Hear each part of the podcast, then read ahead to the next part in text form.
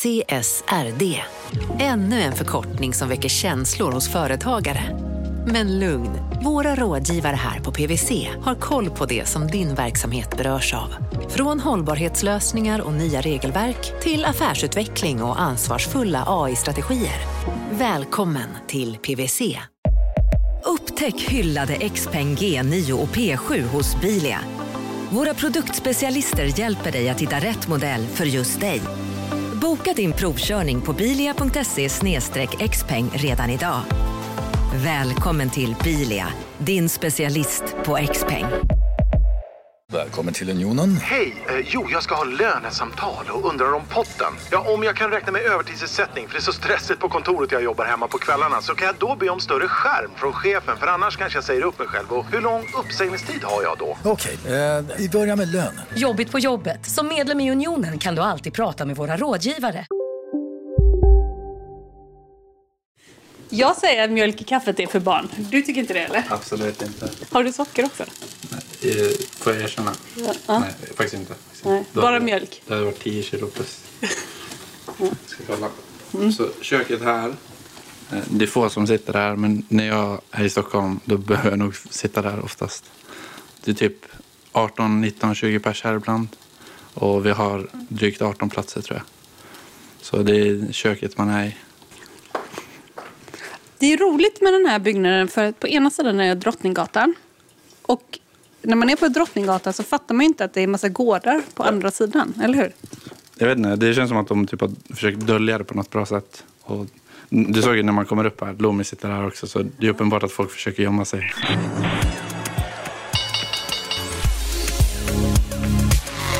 Det här är Marknaden med Helene Rothstein.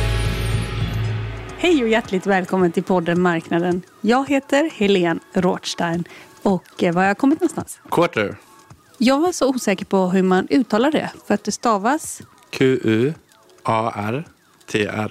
Så quarter på engelska, fast ta bort e Vi började som en app och appen slog rätt snabbt. Så vi skrapade allt content som fanns, finanscontent som bolagen själva producerar. Och därifrån har det väl tagit av rätt snabbt. Och 2021 grundades vi, väldigt tidigt 2021. Men jag skulle säga att vi professionaliserades först juni 2021 ungefär. Och det är väl en resa i sig. och du heter? Sami Osman, vd och medgrundare, en av fem. Och du dricker kaffe med mjölk. Jag väljer att inte disclosa det eftersom de inte kan se det. Så här har vi förmodligen den enskilt viktigaste pjäsen sen vi började. Vi hade absolut inte varit här om han inte fanns. Okej. Vad heter du? Johan Cato. Johan Kato. Och eh, du har byggt Ja, precis. Allting. Alltså, när vi körde igång här så kontaktade Sami mig bara leta efter någon som kunde bygga första versionen av appen. Så MVPn som släpptes då i mars 2021. Så iOS-utveckling och backend-delen av det och design för appen. Liksom.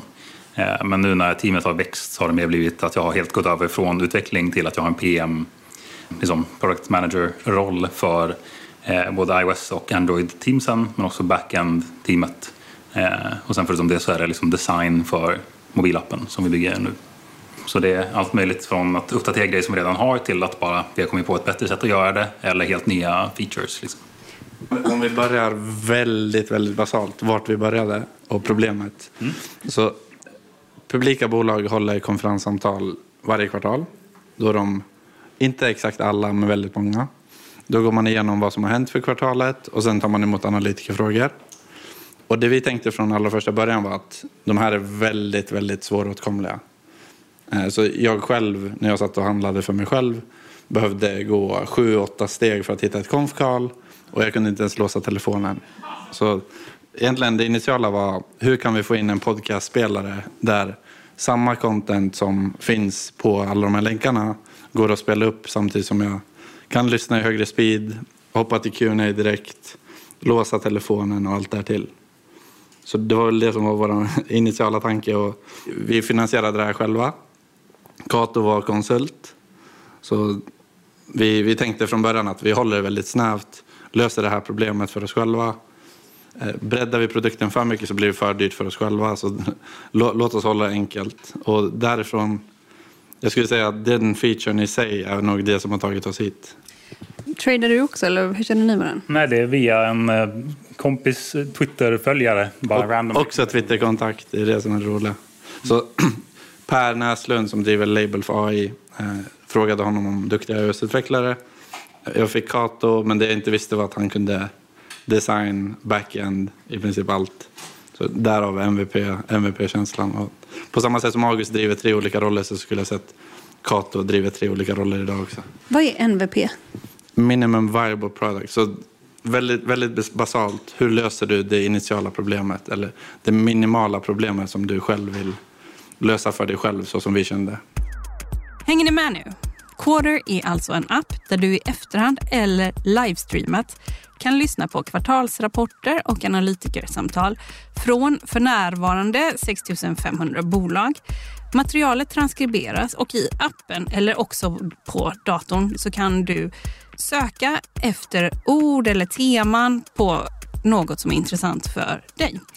Det här har därför kallats för Google för finansiell information och eh, tjänsten är i grunden gratis för privatpersoner i pengar mått mätt. Du betalar med din data. Den här datan kan man senare då sälja vidare till eh, företag. Men till detta så finns också ytterligare tilläggstjänster som kommer mot betalning och som vänder sig mot företagen B2B. Så om vi tittar på appen. Mm.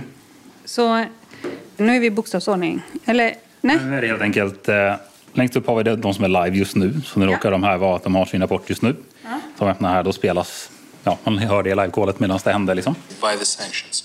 Construction is uh, ongoing. Um, uh, we are 75% complete in the box area. And, uh, Ja, okej. Så det är... Så där är då deras, eh, ja, deras kvartalsrapport. De beskriver vad de har gjort senaste kvartalet, hur saker går och allt möjligt annat som de behöver ta upp liksom, för sina investerare.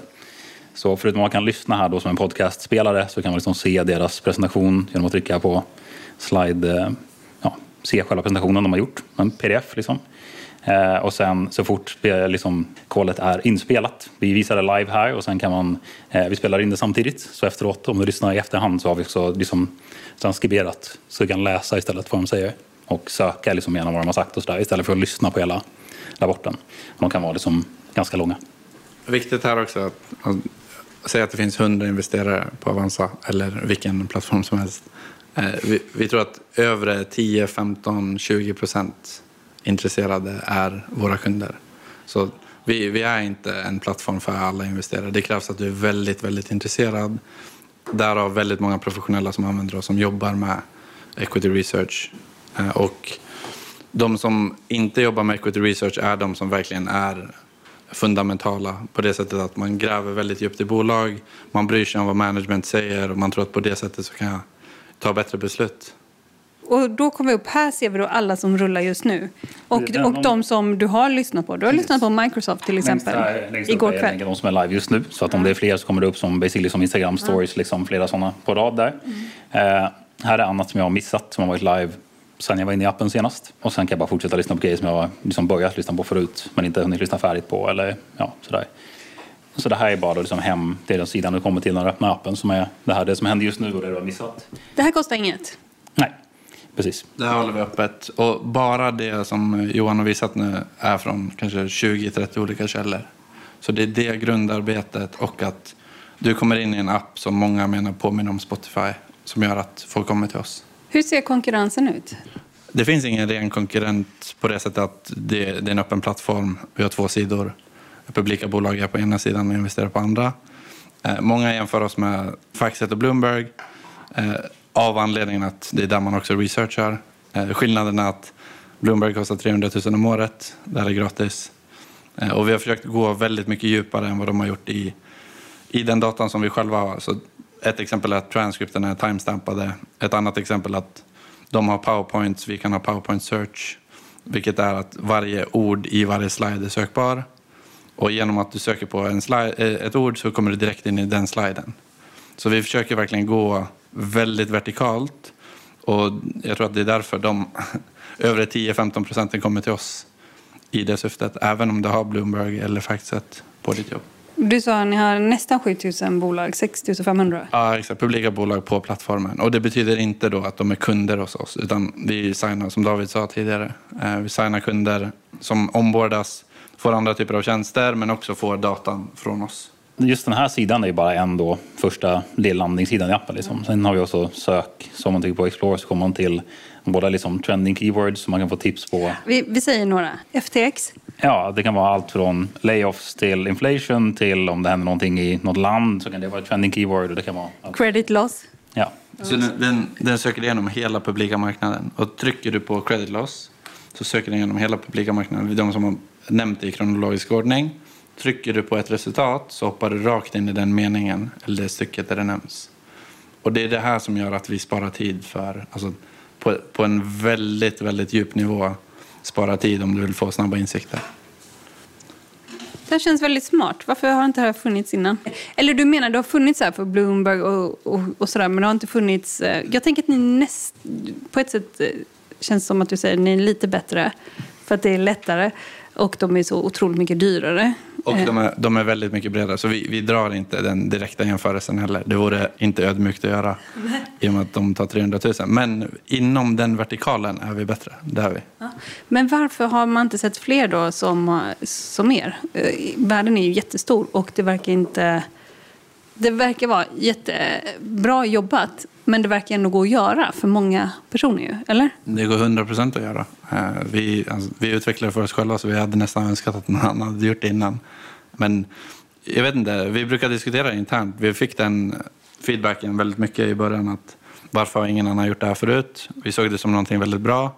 Men vi blev också lite paranoida på det sättet att om alla tänker så och det är publikt content så borde det springa väldigt snabbt. Eh, Så vi, vi har lyckats hitta en affär som både driver våran core business, vilket är att driva användare och driva valuable interaction som Oskar kallar det. Vilket är att en investerare ska interagera med ett bolag. Och vi har också lyckats integrera oss själva nu på ställen där det finns miljontals investerare. Så Avanza API-dealen är väldigt viktig. Vi pratar med ett gäng amerikanska aktörer av samma anledning. Eh, Förklara den dealen. Så vad vi, vad vi har gjort och det stora arbetet upfront har varit att vi, vi samlar in data som är väldigt spretig. Så det finns på 15-20 olika sätt. Eh, providers, alltså där det kan vara 10 olika providers i varje land. Och genom att vi har tagit det arbetet så blir vi lukrativa för, för en broker som inte har den datan själva. Eh, Och det behöver inte nödvändigtvis vara en nätmäklare, det kan vara finansmedia. Så vi, vi är i kontakt med ett gäng där i USA. Eh, det kan vara att journalister använder oss när de skriver om artiklar som har någonting med vad management har sagt. Eh, och genom att vi har tagit det arbetet så licensierar vi ut datan. Det lablas som quartersdata. Och du kan lyssna hos en tredje part istället för att nödvändigtvis lyssna hos oss. Så API-dealen hos de aktörerna jag nämnde här är en fin milstolpe, men vi, vi, ska, vi ska till USA där också. Om du går till en nätmäklare så har du en aktiesida, du har aktiegrafen, du har nyhetsflöde, du har ofta datapunkter som ingen litar på. Och sen därefter har du ingenting om vad bolaget själva säger. Så vi kommer med den datan. Och jag tycker att alltså alla borde ha det. Så det, det förutsätter att någon rör sig först och visar hur givet det är. Och sen tror jag att storbankerna kommer röra sig därefter. Och, eh, Var det säljet? det kanske är säljet, det är ditt jobb. Nej, men de, de måste ju röra på sig. Alltså, vi, om du går till en aktiesida och du har nyhetsflöde så måste du ha vad bolaget själva säger. Det är det vi tänker. Storbankerna, deras, eh, de kanske inte alltid är jättebra på interaktionen med kund, att det ska vara så lättförståeligt. De är på kom. Det går väldigt sakta där. Och vi, vi ser ju hur, nu såg jag några, men jag behöver inte nämna namn, men det finns aktörer som har rört sig så fort Avanza eller Nordnet har gjort någonting. Och det är ett bra tecken på att de rör sig snabbt och visar vägen nästan. Kan du inte säga vilken? Alltså, det är inte så att Nordea kommer jaga mig, men Nordea, Courtagekriget. Eh, vi har andra aktörer där det på Handelsbanken inte ens går att uppdatera orderflödet. Eh, Efter 20 gånger så kapar de dig. Så du kan inte se Eh, köp och säljsidan. Alltså sådana små saker är för en investerare A och O. Och det är klart att folk flyr till nätmäklare då. Och varför vi säger det är för att det, Alltså de, de borde själva leda vägen genom att de har väldigt många kunder och det här kan vara ett bra sätt.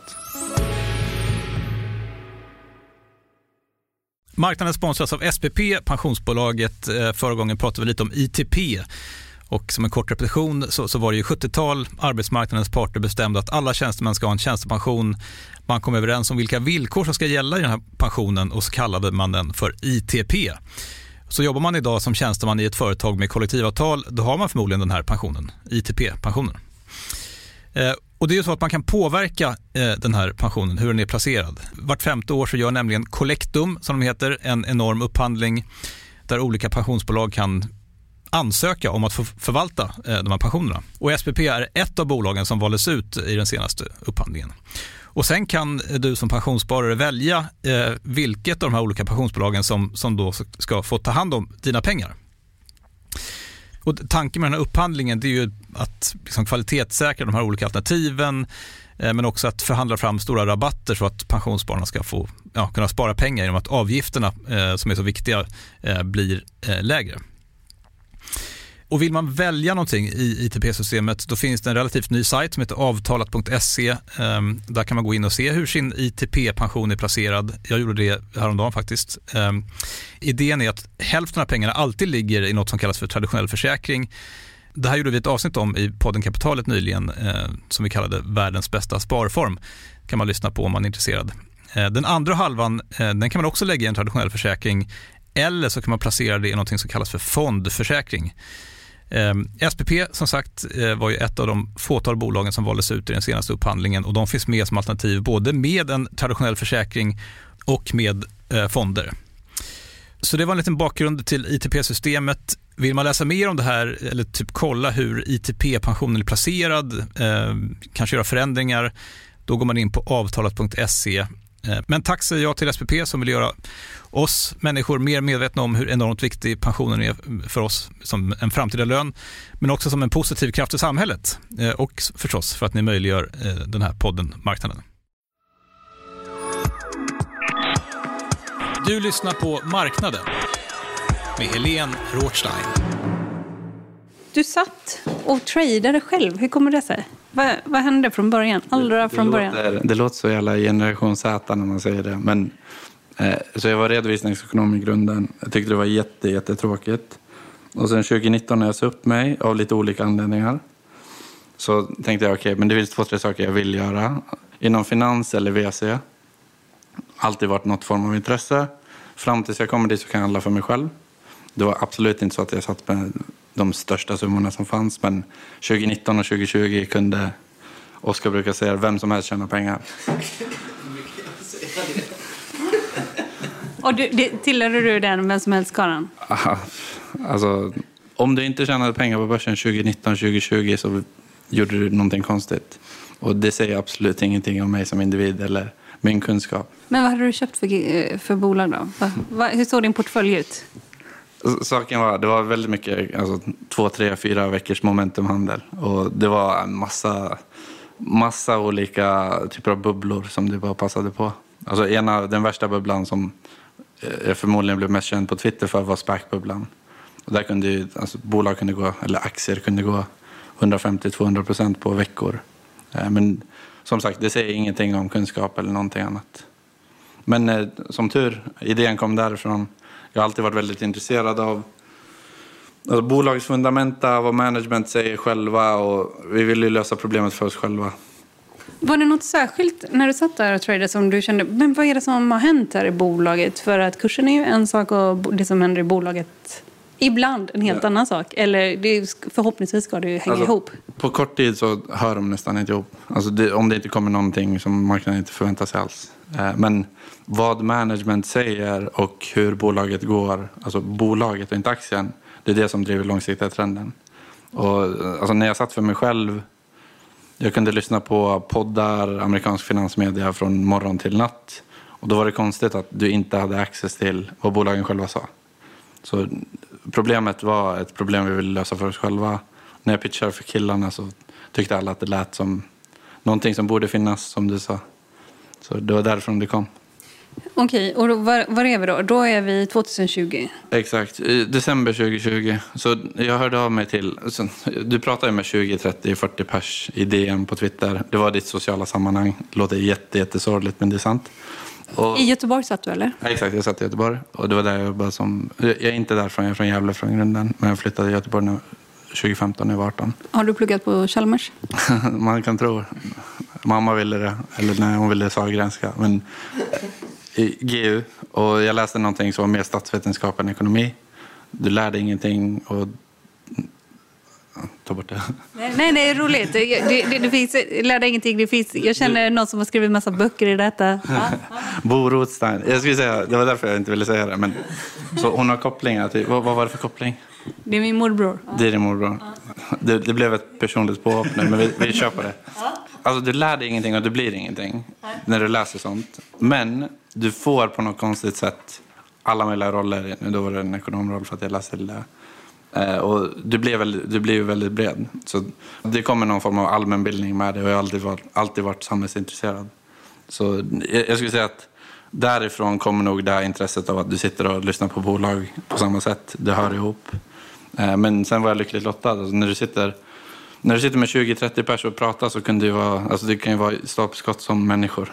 Eh, och att jag fick founder som, alltså nu jag kan skriva vad som helst till. Och människor som jag pratar med som att jag är gift med dem. Men vänta lite. Så du eh, kom till Göteborg, du pluggade statskunskap. Du blev redovisningsekonom. Du gick någon annan utbildning eller du halkade Nej, in på det? Alltså, alltså utbildningen heter... Så jag började läsa fysioterapeut. Det här vet kanske inte killarna. Ja, det, det är den största chocken för mig. Min pappa kallade mig för massör i ett halvår. Eh, det var inte så kul. Eh, varken att han kallade mig det eller själva programmet. Så jag bytte till någonting som heter offentlig förvaltning. Och jag visste inte ens vad det var om jag ska vara helt ärlig. Min syrra hade läst det och det hade gått bra för min syrra. Så jag tänkte, det lät chill, jag kan göra någonting vid sidan om. Du får någonting där du blir bred. Du lär dig lite, alltså vad du än läser på universitet så lär du dig liksom, sammanhang och vara med människor och presentera allt det där. Så jag jobbade på Engelska skolan två år, eh, ett och ett halvt år under tiden och så fick jag redovisningsekonomrollen därifrån.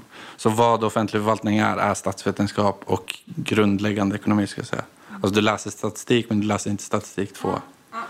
Så därav Bo Rothstein. Ja, och, och sen så satt, vilket bolag, var det ett stort bolag du satt på? När Nej, du, det var en myndighet. Och det, alltså det gjorde det ännu tråkigare. Så folk sjukskriver sig titt som tätt. Jag satt, alltså, jag satt med tre olika roller. Du hade ingen morot. Det- Därav alltså, hoppa av. du hade väldigt trist. Du eh, var intresserad av börsen och eh, du tjänar massa pengar. Nej, tjänar man pengar? Du förlorar också mycket. Alltså när du sitter heltid 2019-20 så borde du tjäna pengar. Det borde vem som helst. Till och med Kato på sina shitcoins tjänade pengar. Men eh, under tiden, alltså jag satt som redovisningsekonom, alltså den rollen. Det, alltså, du, du löser dina dagar på två, tre timmar. Det var en sån roll. Och då, då får du väldigt mycket tid till annat. Jag satt och, och så hade Avanza på ena skärmen, CNBC på andra och sen jobbet på tredje. Och så ändå löste du det. Så det säger nog mer om rollen än om mig. Det, alltså, det var bara en tidsfråga när jag skulle göra någonting annat. Kortet kom upp av en slump. Eh, Hade inte Kato varit ett geni hade vi förmodligen inte varit här. Så då hade jag gjort någonting annat. Men någonting inom den sfären. Ett, privat. Jag satt ju på en myndighet och var sjukt deprimerande. Och sen två, alltså, någonting där du har något som driver dig. Alltså, nå- något där du skapar någonting. Eller gör någonting meningsfullt. Det var inte det andra. Eh, Det var de två kriterierna jag hade. Och sen, och sen så gick ni ut och raggade pengar. Ganska omgående, eller? Första, första rundan brukar vi säga att vi reste i Twitter-DM. Eh, Det var 14 miljoner kronor.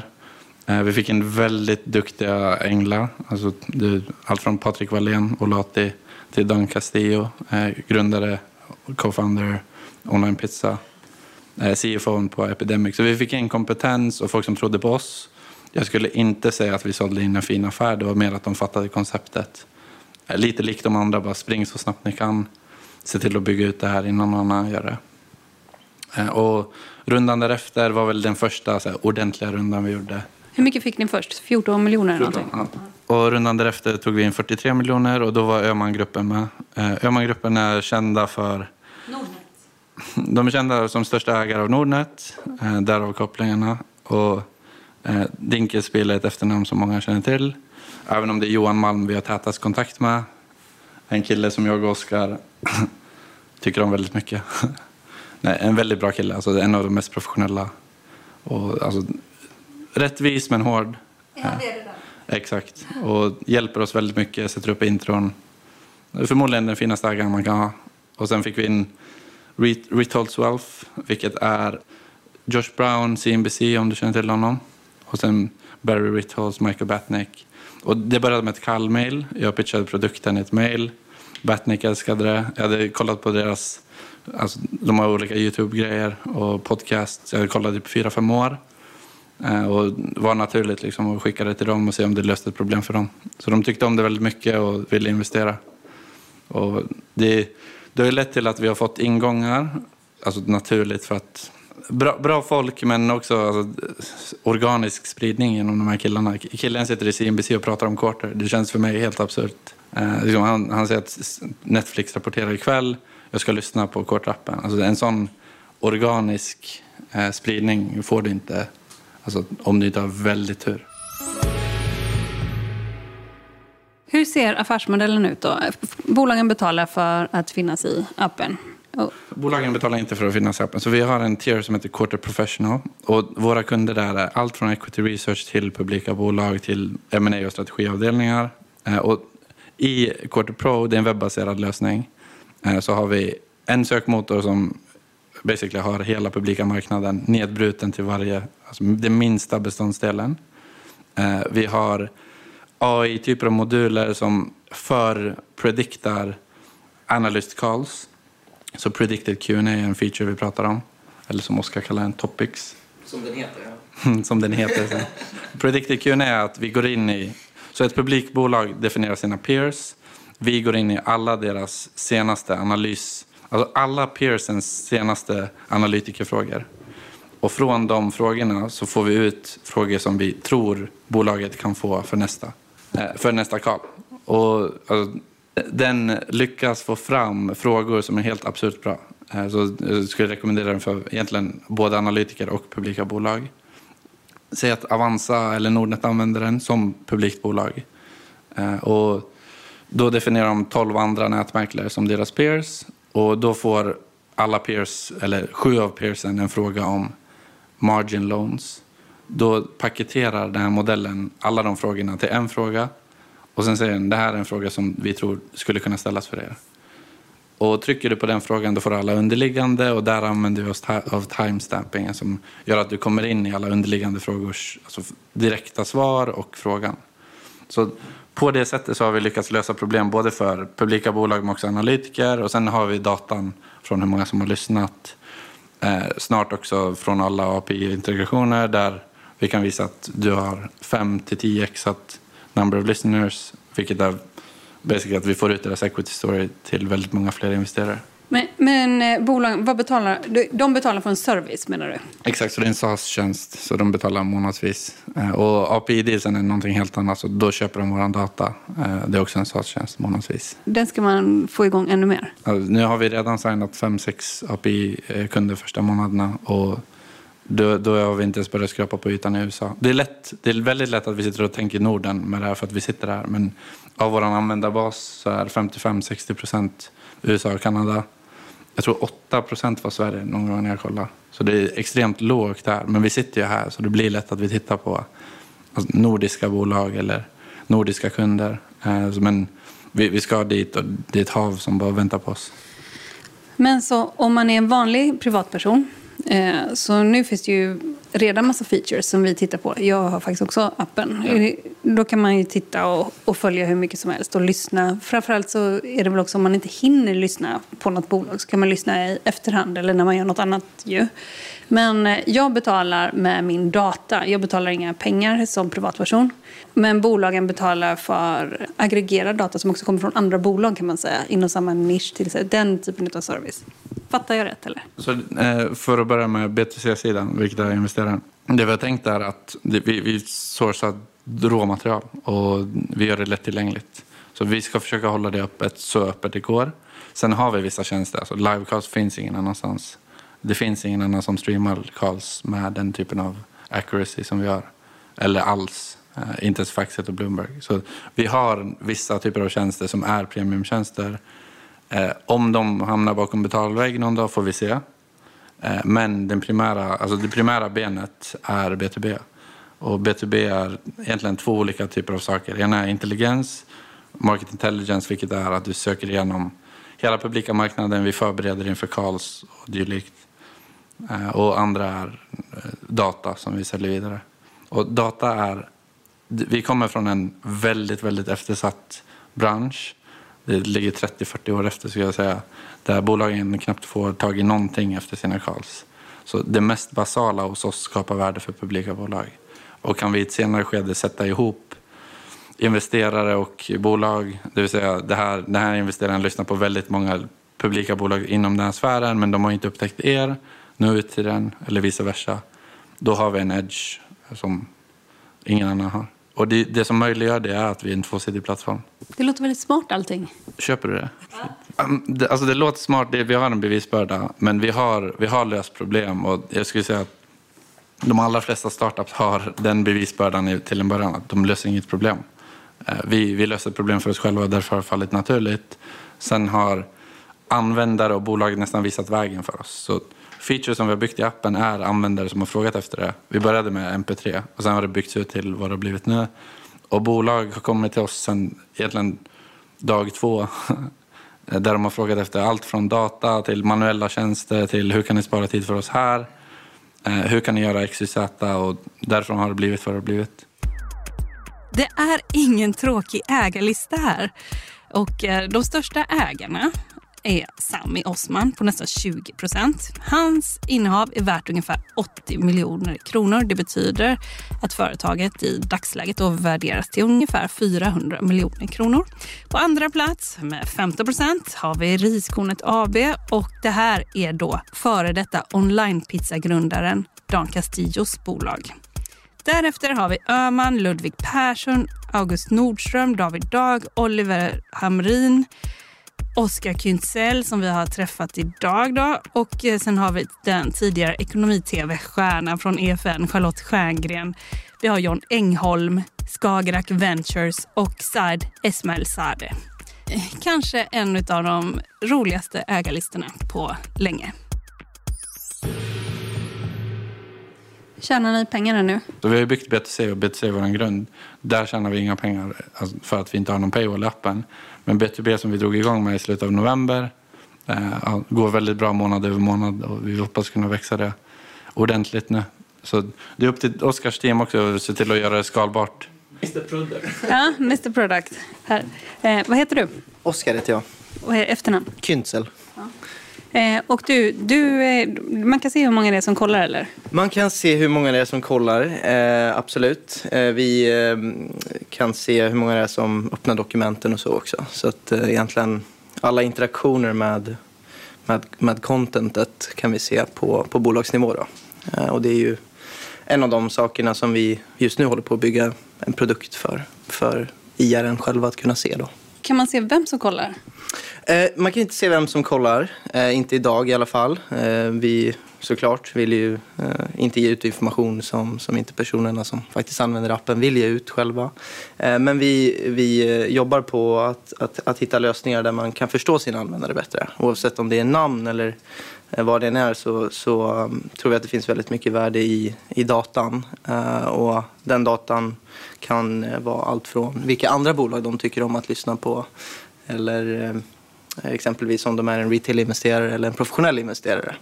Så det finns mycket information. På sikt, är det där det stora värdet ligger i den data man lyckas fånga in?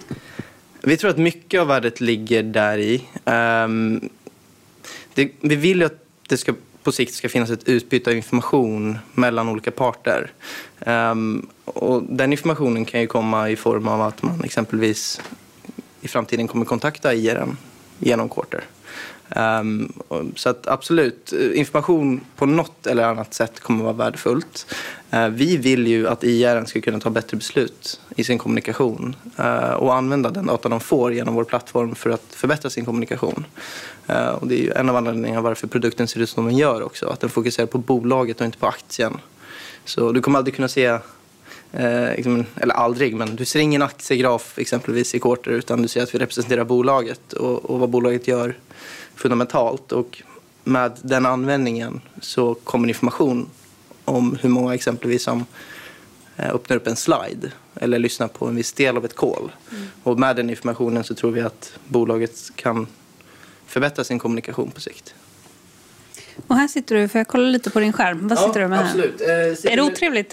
Nej. ja, så framför mig här nu så har jag då eh, vår ganska nylanserade version av eh, vår webbapp då, som är en betalversion som vi kallar för Quarter Pro. Vad kostar det?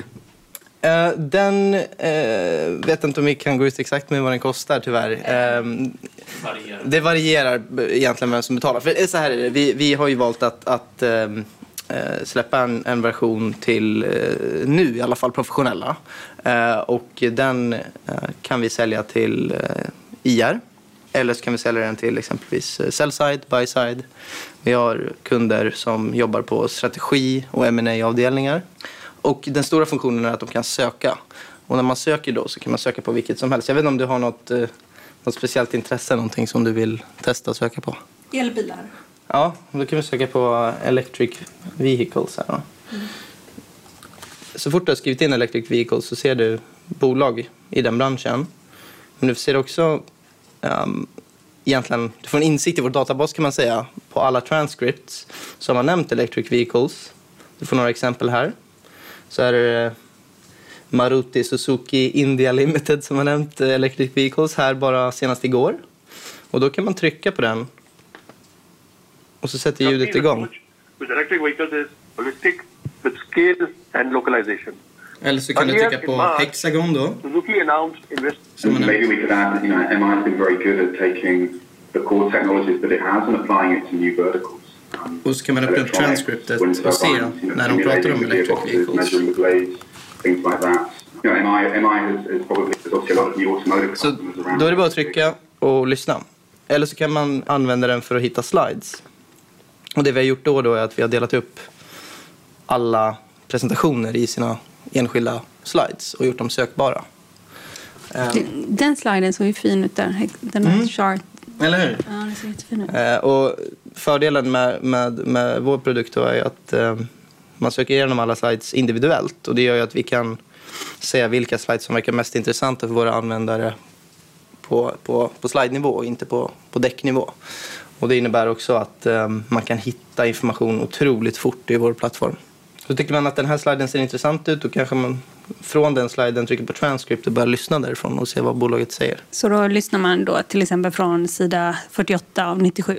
Ja, men exakt. Om man lyssnar bara sida 48? Ja, det kan man göra. Vi håller på att utveckla just nu en, en funktion som gör det ännu enklare att, att matcha uh, ljud och bild. Eh, men eh, absolut, det går väldigt fort att hitta. Och du kan också söka på samma sak igen i, i transkriptet. Ehm, och vi tror att det finns fortfarande otroligt mycket att göra inom, inom eh, liksom transcript och, och slidespacet. en grej som vi jobbar på just nu är att man ska kunna gå tillbaka till historiska, historiska versioner av samma slide. Så om man hittar en slide man tycker om och man vet att IR har återanvänt den sliden, då ska man väldigt snabbt kunna gå tillbaka till hur såg den här ut för två år sedan. Säg. Um, så det, det, är en sak vi jobbar på som är ganska, ganska spännande. Eh, marknaden sponsras av Karla. Eh, vi pratar ju en hel del om bilar här på kontoret. Eh, Karla har ju skapat, skulle jag säga, det som är standarden för hur man idag köper och säljer bilar på nätet. Eh, kort bakgrund bara. Eh, karla säljer och leasar begagnade elbilar eh, och laddhybrider på karla.se. Alltså en helt digital upplevelse. Och man har gjort det här med ett nästan maniskt fokus på vad en bilköpare faktiskt behöver. Jag gjorde ju en intervju med en av grundarna, Patrik Illerstig, i marknaden här eh, ganska nyligen, eh, daterad 25 mars om man vill lyssna på den. Eh, men där berättar han hur de kom in i det här lite från vänster för att försöka uppfinna hela den här liksom bilköpupplevelsen från början.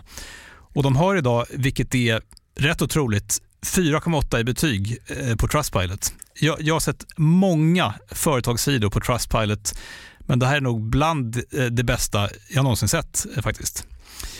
Man kan sälja bilen till Karla också. Eh, då går man in på karla.se, delar lite info om bilen, sen får man en gratis värdering och ett bud. De hämtar bilen helt gratis i hela Sverige och så har man pengarna på kontot i samma stund som de hämtar bilen. Det är grymt.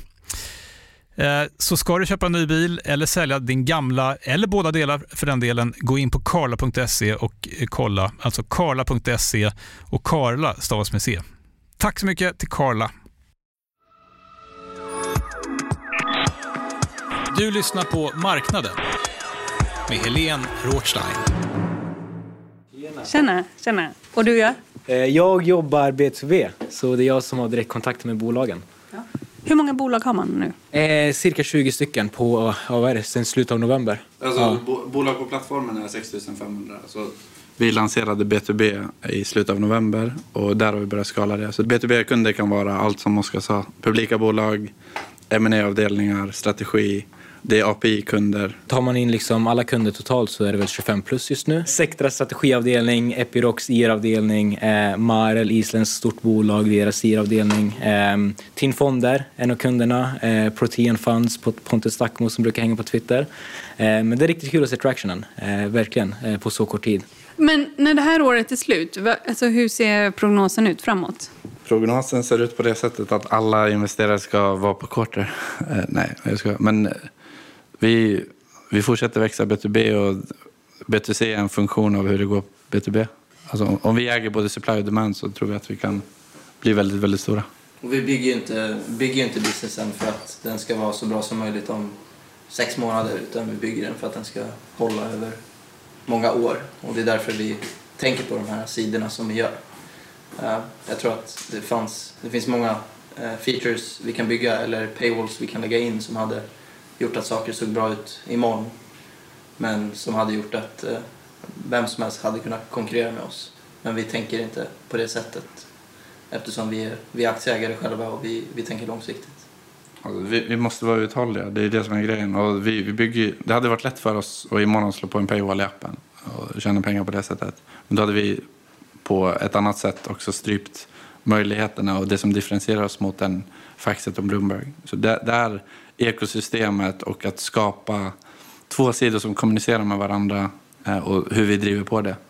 Så Har ni fått, eh, är det någon som har velat eh, köpa er? Vi, vi är relevanta för väldigt många, men vi har tänkt att vi ska bygga det här länge. Så vi, vi är alla unga, vi är 25, 26, 27, så jag vet inte vad jag skulle göra om jag inte hade det här. Så, Hur, hur gammal är du? eh, född 96. Oskar är född 95, Kato, vad är det? 93. Det är väldigt många unga. Men det är också, alltså det är en generation där folk är aware, ska jag säga. Folk har hängt på sociala medier och vissa, August som är född 98 är den mest mogna människan jag träffat någonsin. Så det, det säger inte så mycket, ska jag säga.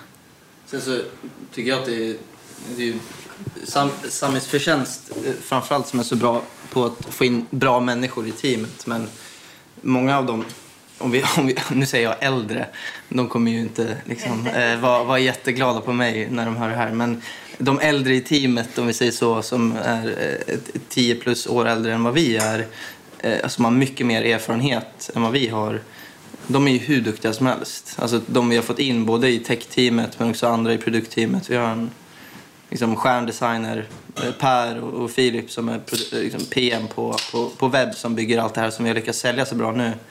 De är ju de, de är, ju- de är monster liksom, de är hur bra som helst. Eh, och det är ju sjukt kul att det, det ens är möjligt för ett så ungt team att få in äldre personer och vill vara en del av, av gänget. Och, och, och lämna sina tidigare jobb och hoppa på en startup och, och, och tro på oss. Liksom. Det är ju...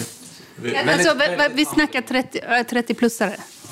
Det låter ju sjukt. Jag, jag är ju snart 30 liksom. Men, men eh, eh, ja. Ja, men, ja, men det äldre gardet 30 Det är plus. äldre, äldre gard, precis, precis. Nej, absolut inte. Men, men, men det är ju så. Alltså, riktigt. det, det, det är sjukt att... Eh, jag menar, det, det finns serieentreprenörer i, i tech-teamet som har byggt och sålt bolag som är liksom fantastiska. Eh, och eh, att, att de tror på det här och tror på brandet och tror på, på teamet. Eh, det är egentligen det man är mest liksom, stolt över, tycker jag. Eh, mer än produkten i sig, egentligen. Som Oskar säger, folk går till jobbet och tänker att det här är alltså, deras mission. Och det är det vi, har. vi har en kille, Viktor Sarström, som kodar på bussen. Han bor i Sisjön i Göteborg och då, då är det lite bussväg. Han sitter och kodar på bussen. Så det, det är med den entusiasmen folk går till jobbet. Och det är så du bygger någonting väldigt stort. Men saken är, vi vill mycket och vi är 40 pers. Vi hade kunnat vara mer eller mindre människor, men vi, vi har sagt sedan tidigt att vi founders som är helt inkapabla att göra någonting vettigt inom tech. Vi ska, vi ska täcka alla roller och så ska vi ge utrymme för så många duktiga människor som möjligt inom tech och produkt. Det är så vi skapar någonting väldigt stort. Sen har vi tagit en svår väg. Alltså vi har tagit en väg som möjliggör att vi kan bli väldigt, väldigt stora. Men det är också alltså, krävande att bygga en webbplattform för publika bolag som är väldigt kräsna. Equity Research ännu mer kräsna. Eh, investerare som har Bloomberg eller Factset som vi går efter. Också kräsna, betalar väldigt mycket pengar redan. Banker. Banker, ännu kräsnare. Vi jobbar mot kräsna kunder och det gör, alltså det gör det roligare men det gör det också krävande. Och därför, vi, vi behöver duktiga människor på tech. Vi behöver människor som är drivna och gör, alltså går the extra mile. Eh, och hade vi inte haft det hade vi förmodligen legat ett år back nu. Så det går inte riktigt att tänka klassiska så här, 8 till 17. Det finns inget sånt här. Alltså ingen håller koll på varandra. Vi har en Slack-kanal som heter Daily Updates där man kan skriva så här, ja idag gör jag det här. Men ingen håller koll på vad du gör utan det förutsätter att det kommer från dig själv. Nu är vi 40 pers, vi kan förmodligen hålla ett tag till. Och det är det som möjliggör att vi springer så snabbt. Ni gick inte med vinst förra året va? Vi, vi lanserade BTC först, mobilappen. Och det är det, utåt sett är det det vi är kända för.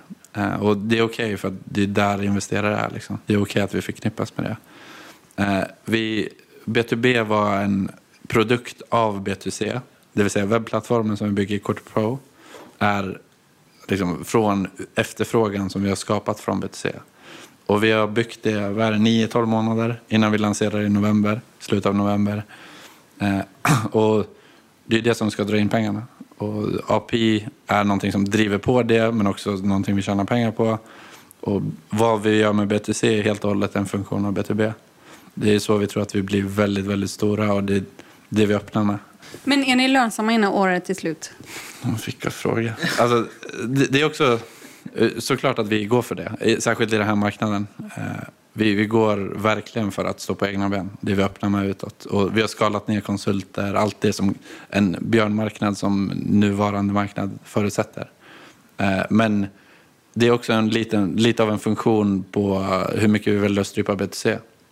Hade vi velat konvertera säg, hela appen nu till betalande kunder, alla som ska använda appen ska betala oss.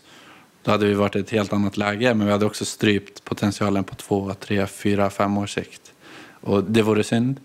Så vi kollar nu hur vi kan skala API och B2B-deals och därför blir B2C också en funktion av det.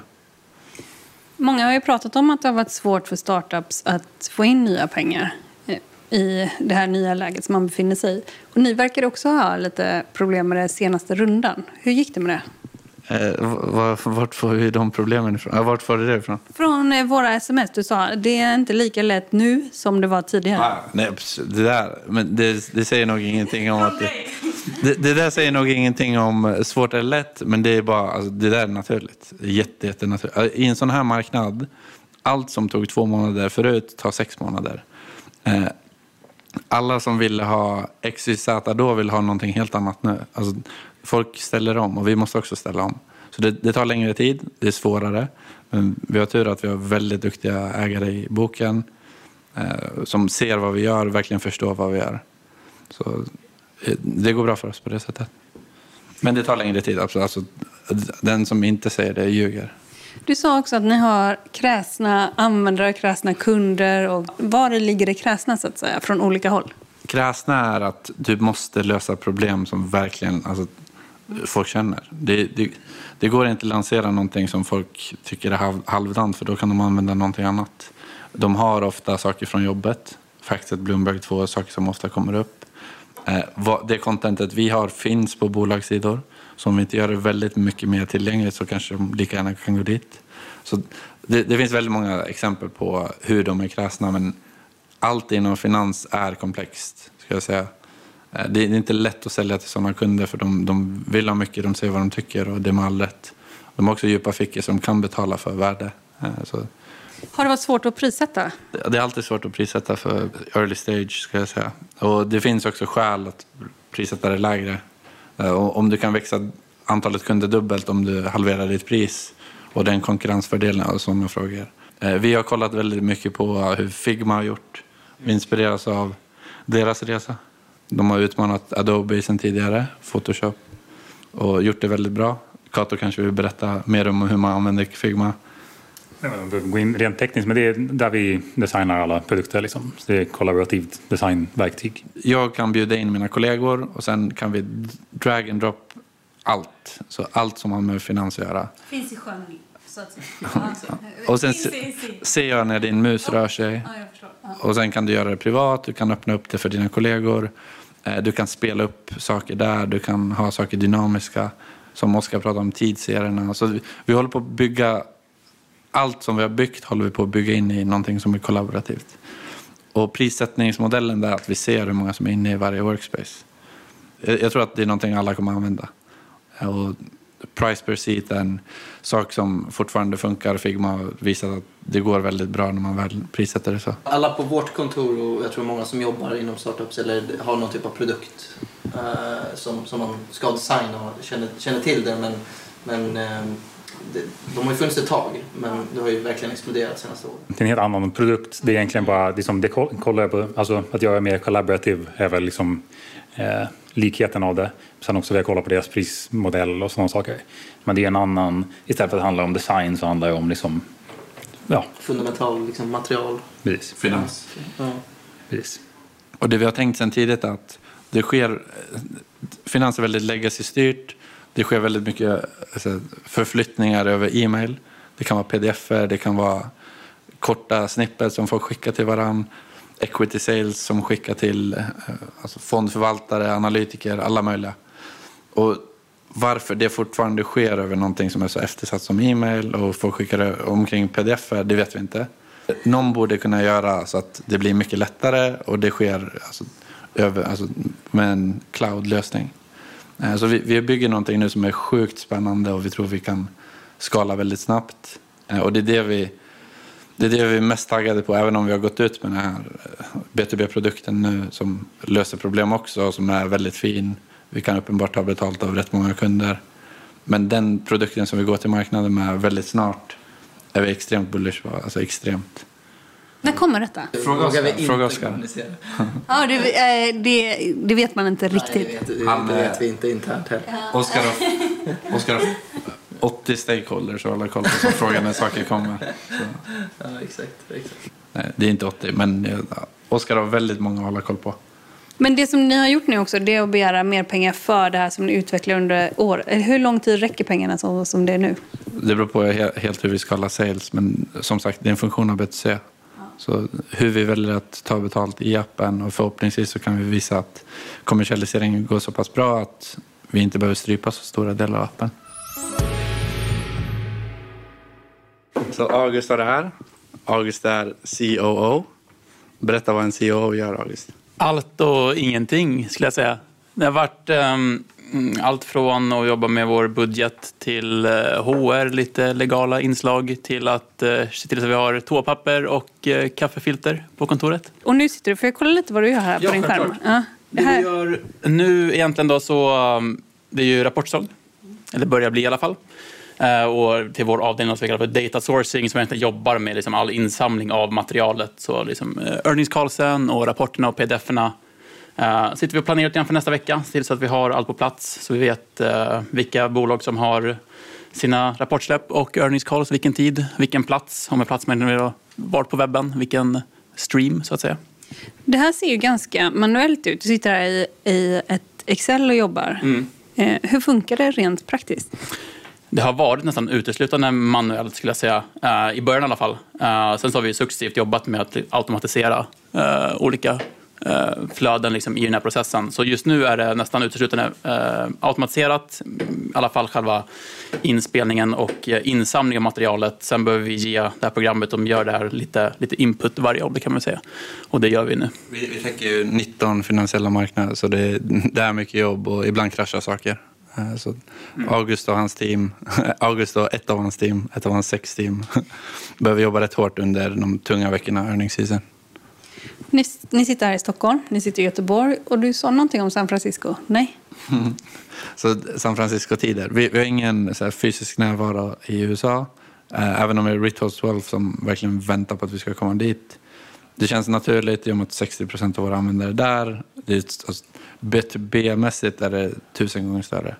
Eh, och vi, vi får inbounds, 6, 7, 8 stycken professionella varje dag som efterfrågar Quarter Pro från USA som vi nu tar videomöten med, men det är bara en tidsfråga innan vi är där fysiskt. San Francisco-tiderna kom från att content-teamet eh, måste sitta uppe på kvällarna och ladda upp eh, eh, callsen från de bolag som rapporterar efter stängning i USA. Förstår.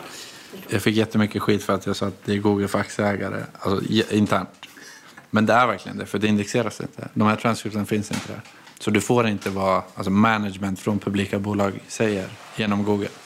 Så det är det vi har försökt möjliggöra. Då är det både vad de säger men också i presentationerna. Så det är två aspekter här. Men Sami, varför flyttar inte du till San Francisco? Folk hade blivit ledsna om jag hade flyttat till San Francisco. Därför. Men Varför flyttar inte alla? Alla är så här unga. Det är dyrt att bo där såklart, men vad fasen? Vi får se vad som händer. Alltså, vi, vi förutsätter ju att saker ska gå så som vi vill att det ska gå och det här ska bli hur stort som helst. Så vi får se vad som händer. Eh, våran kalkyl Peter eh, har ju redan tagit New York-uppdraget så vi får se om man fullföljer det. Bli korre eller utsänd där? Exakt, korrespondent. Ja, nej, men saken där också, så här, vi, vi sitter ju här, allt är digitalt. Det funkar fram tills det bara make sense att vi ska vara där. Tech-teamet är här, de behöver nog vara här av anledningen att de sitter i samma tidszon. Men sales och så här, fysisk presence, vi behöver vara där. Det är en tidsfråga. Du bor i Göteborg. Ja. Va- Var någonstans? Jag, lyssn- jag lyssnade ju på din podcast och vi ska inte säga exakt vart du bor. Där. Den, jag var uppe härom natten och lyssnade på den här Kidnappad. Ja. Alltså brutal. Jag satt, i, jag satt i min säng och lyssnade på den. Jag kunde inte sova. Jag var riktigt sjuk så vi ska inte säga exakt vart jag bor. Där. Nej. Men eh, stan Göteborg, ja. Eh, och kontoret i Göteborg, hur stort är det? Eh, ha- Halva det här kontoret ungefär. Så vi, vi, har, vi har fått den finaste skyltplatsen men vi har det minsta kontoret i den byggnaden.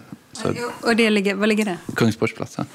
Jaha, okej, så det ligger liksom mitt, mitt i stan. så att säga. exakt. Ja, du bor ganska nära ditt jobb. Ja. Jag brukar ta spårvagnen ändå, ja. Nej, Det är en hållplats. Men det, jättenära.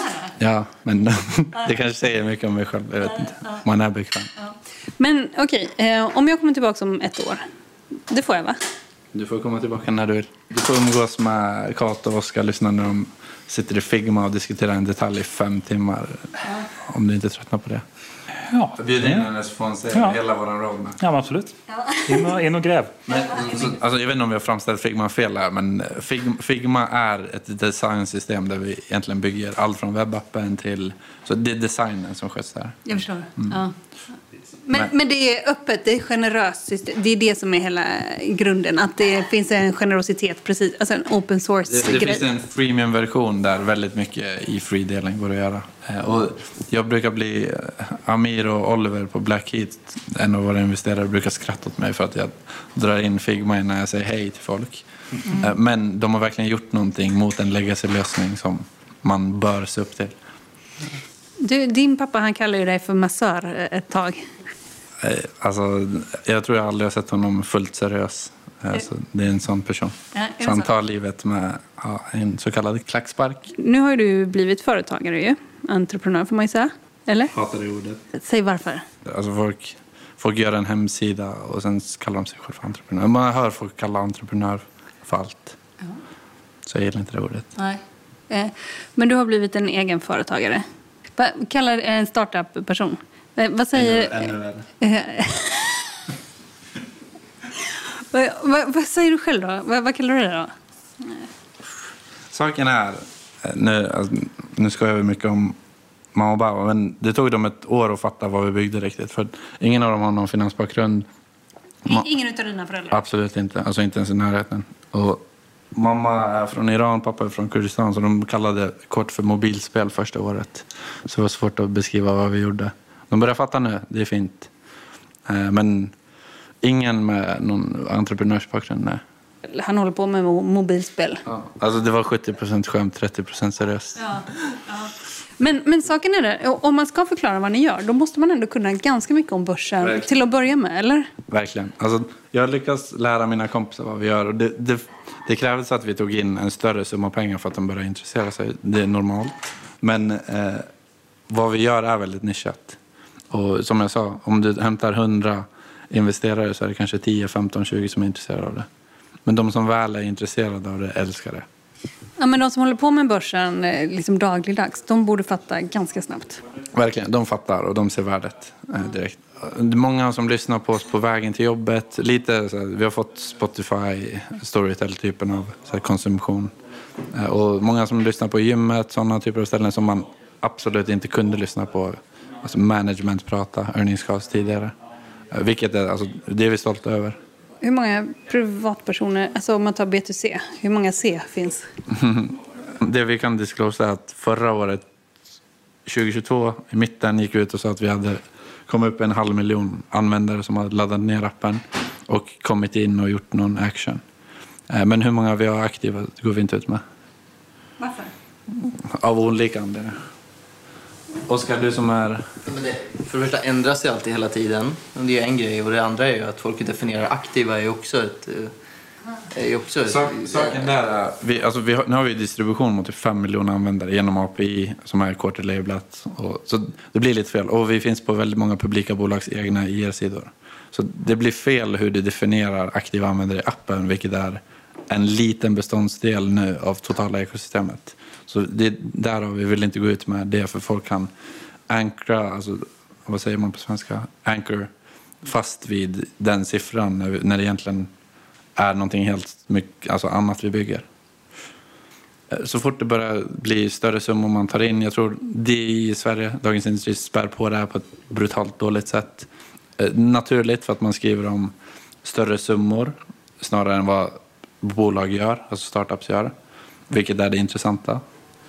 Eh, Och när du pratar stora summor då får folk upp ögonen när det egentligen inte spelar någon stor roll hur mycket pengar du tar in. Det spelar roll alltså hur fin affärsmodell du har, vad du lyckas skapa för värde för konsument eller kund. Eh, Och en annan grej är hur många människor det är. Det är en konst att vara få människor som springer snabbt. Eh, Många brukar fråga oss hur många människor är ni? Eh, alltså hur många anställda är ni? Och det är, liksom, alltså det är negativt att vara många. Det är coolare att vara få och springa väldigt snabbt. Eh, men så fort du säger att det är många så framstår det som att du är större. Så jag tror att det har blivit snedvridet i förmodligen förra, förra typen av kapitalmarknad. Alltså, du incentiverades att vara många och ta in mycket pengar och ibland kanske det inte fanns en baktanke. Så eh, därav det, den piken. Eh, detta då med entreprenör. Du vann ju också, ni vann något pris här i Almedalen. Och eh, du tar det för huvudet nu för att eh, du tycker det är töntigt eller vad, vad säger du? Jag vet inte, nu, det är svårt att inte framställa... Nej, jag vet inte, helt ärligt. Nej, men säg, det är bara vi här ju. det, är, bara- vi och X. Eh, Men saken är, vi har inte bevisat något. När vi har bevisat oss så kan vi gå och ta priser. Och, För, för du tog inte emot det riktigt än. vi åkte inte dit, men saken är, vi, vi när vi väl har bevisat oss då kan, då kan vi hålla på och prata och ta emot priser. Och, eh, att, Och att du inte vill göra det innan. Är det för att du tycker det känns genant? Att du liksom, man vinner så priser? Ja, man ska bevisa sig först och sen göra det. Jag hade, jag hade tyckt att det var löjligt om jag såg någon annan typ predika om hur man bygger bolag eller man, hur man gör olika saker innan man på riktigt har bevisat sig. Jag, jag gillar inte sånt. Eh, Om jag kommer hit om ett år, vad har hänt då? Va, vad kommer jag till för ställe då? Nej, Om du får bestämma, om det ska bli som du vill, vad har hänt? Vi är naiva på ett sätt. Tony Pavlov sa det på ett fint sätt tidigare att hade ni inte varit naiva hade ni inte vågat starta det här. För folk som har jobbat inom branschen länge kan tänka att det kommer inte slå igenom. Det finns så många barriärer. Varför ska ni göra det? Varför har ingen annan gjort det? Men naiviteten gör att du vågar. Och får jag vara naiv och se hur det går just nu, alltså första månaderna med B2B och också vad vi bygger som är väldigt unikt och faktiskt löser problem. Så jag hade velat se 50-60 API-integrationer, quarter överallt. Eh, vilken plattform den än går till så streamas det equity stories, det vill säga earnings calls på nätmäklare, finansmedier. Eh, att vi har en plattform mot eh, institutionella Quarter Pro som är en plattform som folk kommer in och säger wow till. Vi är väldigt nära skulle jag säga. Vi har features som är wow, men vi, i paketeringen så kan vi definitivt komma längre. Eh, och sen i mobilappen är bara, alltså, tittar du på den nu är det svårt att inte bli stolt, men jag tror vi kan gå väldigt mycket djupare också. Så ett ekosystem där folk kollar och tänker varför har det inte funnits förut? Vi får se. Alltså, vi, vi har ett sjukt bra utgångsläge. Vårt team är alltså, exceptionellt. Jag, jag skulle säga att det är få team, det vågar jag säga. Få team i Sverige med 40 pers där average produktivitet per person är så brutal. Vad säger du, vad säger du Oskar? Du, det, det är upp till dig jättemycket nu vad som händer med pengarna och allting har jag fattat. Absolut, absolut. Uh, nej men uh, jag tror inte man, man kommer liksom inte undan med, med, med bullshit. Uh, jag tror Sam är ganska bra på, på att korrigera mig om, om, jag börjar liksom... Hur, hur går det nu? Vilka har du sålt? om du börjar så slira? Så att man kanske drömmer iväg lite för mycket för vad som ska vara om, om om tre veckor istället för imorgon. Liksom. Mm. Vad kan vi göra idag? Vad kan vi göra idag för att göra det eh, bättre för, för våra kunder eller um, våra stakeholders generellt? Och, um, på så sätt tror jag. Liksom, action, action talks. Liksom. Eh, kommer ni notera så småningom? Drömmer du om det? Jag drömmer om andra saker. Va, vad drömmer du om då? Åh, vilken fin fråga. Alltså att det här ska vara i varenda investerares hand, det, det är en dröm. Och att folk bara tycker att det är en självklarhet att vi finns. Alltså över hela finansuniverset. Det är en dröm. Sen personliga drömmar, allt möjligt. Eh, stort tack för att jag fick komma hit. Tack själv Helena. Du driver någonting som verkligen alltså, är speciellt i Sverige. Det är få som håller den nivån. Så det, det är kul att lyssna på. Jag lyssnar på de allra flesta, inte alla. Ja. Är det någon du bara spolar, stäng av? Vi ska inte hänga ut folk. Men kidnappningen var bra. Alltså, kidnapp... Jag var vaken hela natten. Jag ska, jag ska inte. Stort tack för att jag fick komma. Du har lyssnat på podden Marknaden med mig, Helene Rothstein. Ansvarig utgivare är Jakob Bursell och den här podden produceras av Monopol Media. Vi hörs snart. Håll ut. Hej då!